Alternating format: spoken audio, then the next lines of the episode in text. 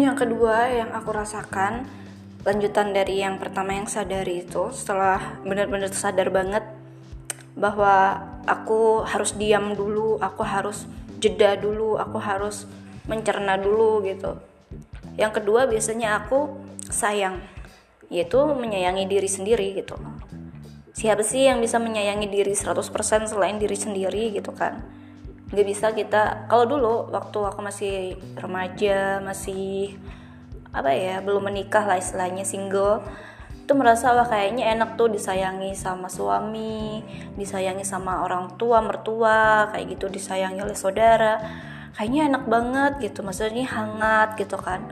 Tapi ternyata semakin ke sini aku makin nyadar gitu bahwa sebenarnya yang paling menyayangi diri sendiri ya diri pribadi kita gitu diri sendiri gitu. Jadi ketika sadar bahwa ada luka gitu ya ada luka kita terluka diri ini uh, tidak produktif gitu kan mikir gitu. Apalagi orang introvert tuh mikir banget gitu ya.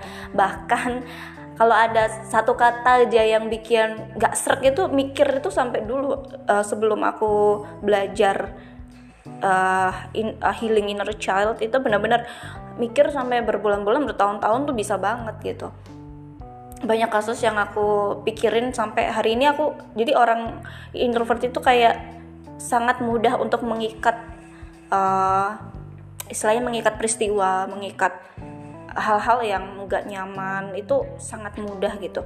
Hal-hal yang nyaman juga sangat mudah diikat. Jadi kalau misalkan suka banget sama orang nyaman banget sama orang sampai sekarang detik ini pun aku loyal banget sama orang itu gitu.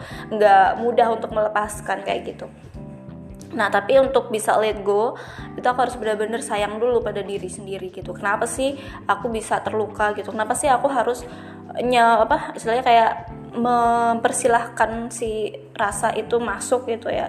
Lo harus harus sayang dulu. Aku ajak ngobrol dulu.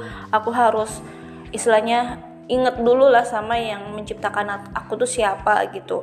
Dan aku balikin lagi biasanya dengan um, dialog diri sendiri kepada yang atas gitu. Istilahnya kayak cara menyayangi diri sendiri itu ya dengan dialog gitu.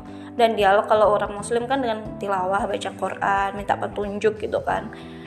Dulu uh, aku termasuk orang yang suka ngobrol dengan diri sendiri gitu sejak kecil sih. Karena emang nggak ada partner nggak ada saudara nggak punya istilahnya orang yang benar-benar bisa ngerti banget gitu. Yang paling ngerti ya mungkin buku bacaan atau mungkin Quran. Dulu sangat sangat deket banget gitu dengan hal-hal yang istilahnya eh, nggak uh, bisa di bukan manusia lah istilahnya kayak bikin aku sendiri nyaman dengan benda itu atau barang itu atau buku itu gitu. Jadi benar-benar sayang gitu sayang dengan diri sendiri dengan cara meluapkannya bukan dengan manusia kayak gitu.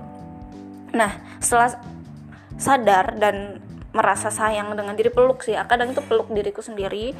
Aku peluk aku ajak ngobrol kenapa gitu. Karena terkadang kita itu lupa kalau diri kita pribadi itu ada banyak komponen yang sebenarnya bisa kita kerahkan gitu untuk bisa menyembuhkan diri gitu. Misalnya dari sel-sel tubuh kita dari jiwa, dari ruh kita dan seterusnya. Karena kan kalau belajar tentang jiwa itu ada tujuh lapis yang bisa kita tembuskan. Dan ada satu jiwa yang itu nggak pernah disentuh sama sekali oleh setan. Yang paling dalam ya, tidak pernah disentuh sama sekali oleh jin dan seterusnya. Karena itu sangat suci dan murni. Dan untuk menembus ke sana ya memang kita harus sayang dulu sama diri sendiri, terus jangan berbuat jelek kayak gitu. Karena ya itu uh, ketika sudah sayang kita sudah jernih kita akan lebih lega gitu.